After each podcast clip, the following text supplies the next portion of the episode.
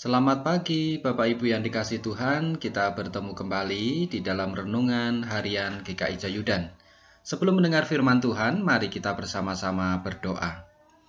Bapak yang berkasih kami bersyukur kepadamu untuk pagi hari ini karena engkau tetap menyertai kami. Saat ini Tuhan, hati kami telah siap untuk mendengar firman-Mu. Kami mohon roh kudus untuk menolong kami, membantu kami, sehingga kami boleh siap untuk menerima firman itu, mengerti firman itu karena pertolongan Roh Kudus dan melakukan firman itu dalam kehidupan sehari-hari. Terima kasih ya Tuhan, mohon pertolonganmu senantiasa dan di dalam Yesus kami berdoa. Amin. Bapak Ibu yang dikasih Tuhan, renungan pagi GKI Joyudan pada saat ini diambil dari Efesus 1 ayat 15 sampai 23. Saya akan membacakan Efesus 1 ayat 15 sampai 23. Demikian firman Tuhan. Karena itu, setelah aku mendengar tentang imanmu dalam Tuhan Yesus dan tentang kasihmu terhadap semua orang kudus, aku pun tidak berhenti mengucap syukur karena kamu. Dan aku selalu mengingat kamu dalam doaku dan meminta kepada Allah Tuhan kita Yesus Kristus, yaitu Bapa yang mulia itu, supaya ia memberikan kepadamu roh hikmat dan wahyu untuk mengenal dia dengan benar dan supaya ia menjadikan mata hatimu terang, agar kamu mengerti pengharapan apakah yang terkandung dalam panggilannya, betapa kayanya kemuliaan bagian yang ditentukannya bagi orang-orang kudus, dan betapa hebat kuasanya bagi kita yang percaya sesuai dengan kekuatan kuasanya yang dikerjakannya di dalam Kristus dengan membangkitkan dia dari antara orang mati dan mendudukkan dia di sebelah kanannya di surga jauh lebih tinggi dari segala pemerintah dan penguasa, dan kekuasaan dan kerajaan dan tiap-tiap nama yang dapat disebut bukan hanya di dunia ini saja, melainkan juga di dunia yang akan datang. Dan segala sesuatu telah diletakkannya di bawah kaki Kristus, dan dia telah diberikannya kepada jemaat sebagai kepala dari segala yang ada. Jemaat yang adalah tubuhnya, yaitu kepenuhan dia, yang memenuhi semua dan segala sesuatu. Demikian bacaan firman Tuhan pada pagi hari ini. Bapak Ibu yang dikasih Tuhan, pagi hari ini firman Tuhan saya beri judul ucapan syukur. Cukup singkat, hanya ucapan syukur. Saudara betapa bahagianya ketika mendengar orang mengungkapkan rasa sukacita dan rasa syukurnya karena mereka melihat sikap kita yang dinilai baik atau membanggakan. Contohnya, waduh saya itu senang sekali melihat orang itu begitu baik. Orang itu taat pada firman Tuhan. Saya akan terus mendoakannya. Nah, ungkapan-ungkapan seperti itu kalau kita dengar dan ungkapan itu ditujukan kepada kita, pasti kita juga akan merasakan senang. Seperti itulah yang dilakukan oleh Rasul Paulus.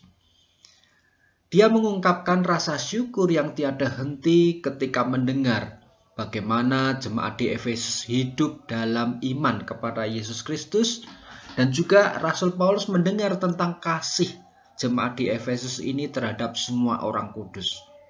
Sehingga saudara yang dikasih Tuhan, Rasul Paulus mengatakan, Aku pun tidak berhenti untuk mengucap syukur karena kamu dan aku selalu mengingat kamu dalam doaku. Nah, ini luar biasa. Sampai Rasul Paulus selalu mengingat jemaat di Efesus di dalam doanya.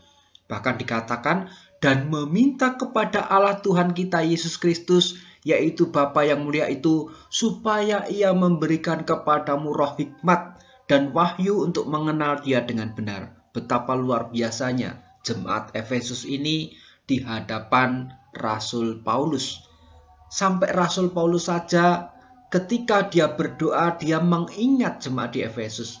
Bahkan dia mendoakan supaya Bapa itu juga memberikan roh hikmat kepada jemaat di Efesus dan wahyu sehingga mereka bisa mengenal Yesus dengan benar. Siapa Yesus itu? Jadi Rasul Paulus merasakan kegembiraan yang begitu besar atas jemaat di Efesus. Karena jemaat di Efesus ini memiliki iman yang terus bertumbuh di dalam Yesus.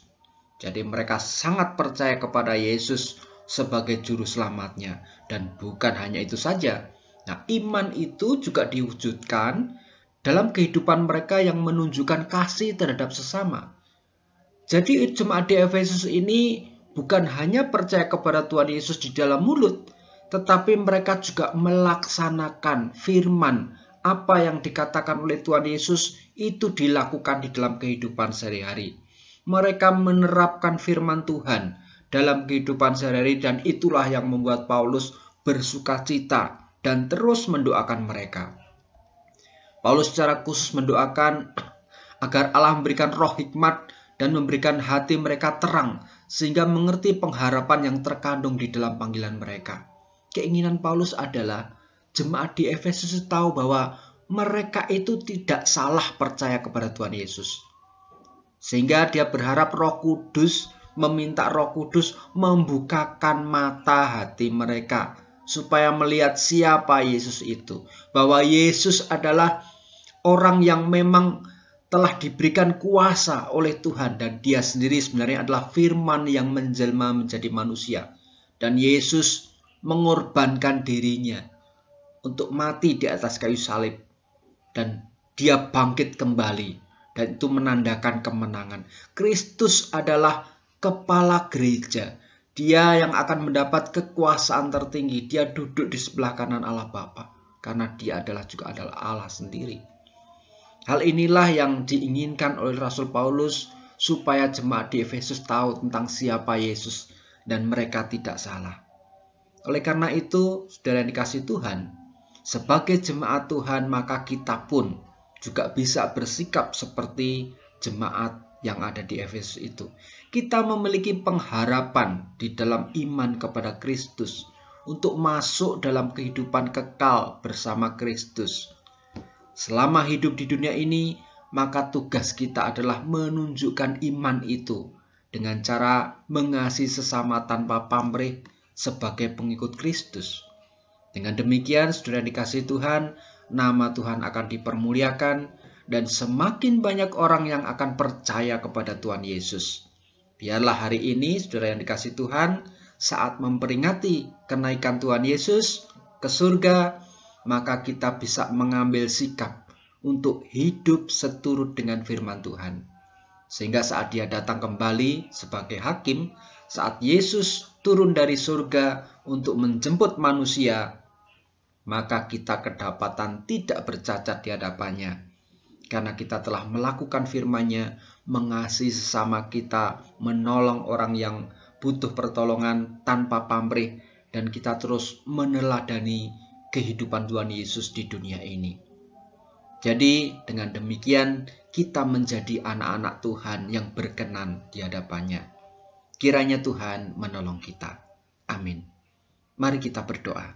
Kami mengucap syukur kepadamu Tuhan untuk pagi hari ini.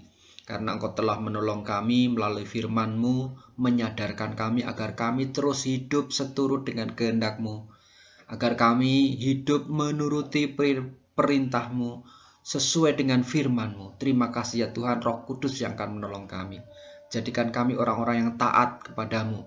Sehingga saat ini pada hari ini kalau kami nanti akan mengikuti ibadah kenaikan Tuhan Yesus, maka itu juga mengingatkan bahwa Tuhan Yesus akan turun kembali menjemput kami.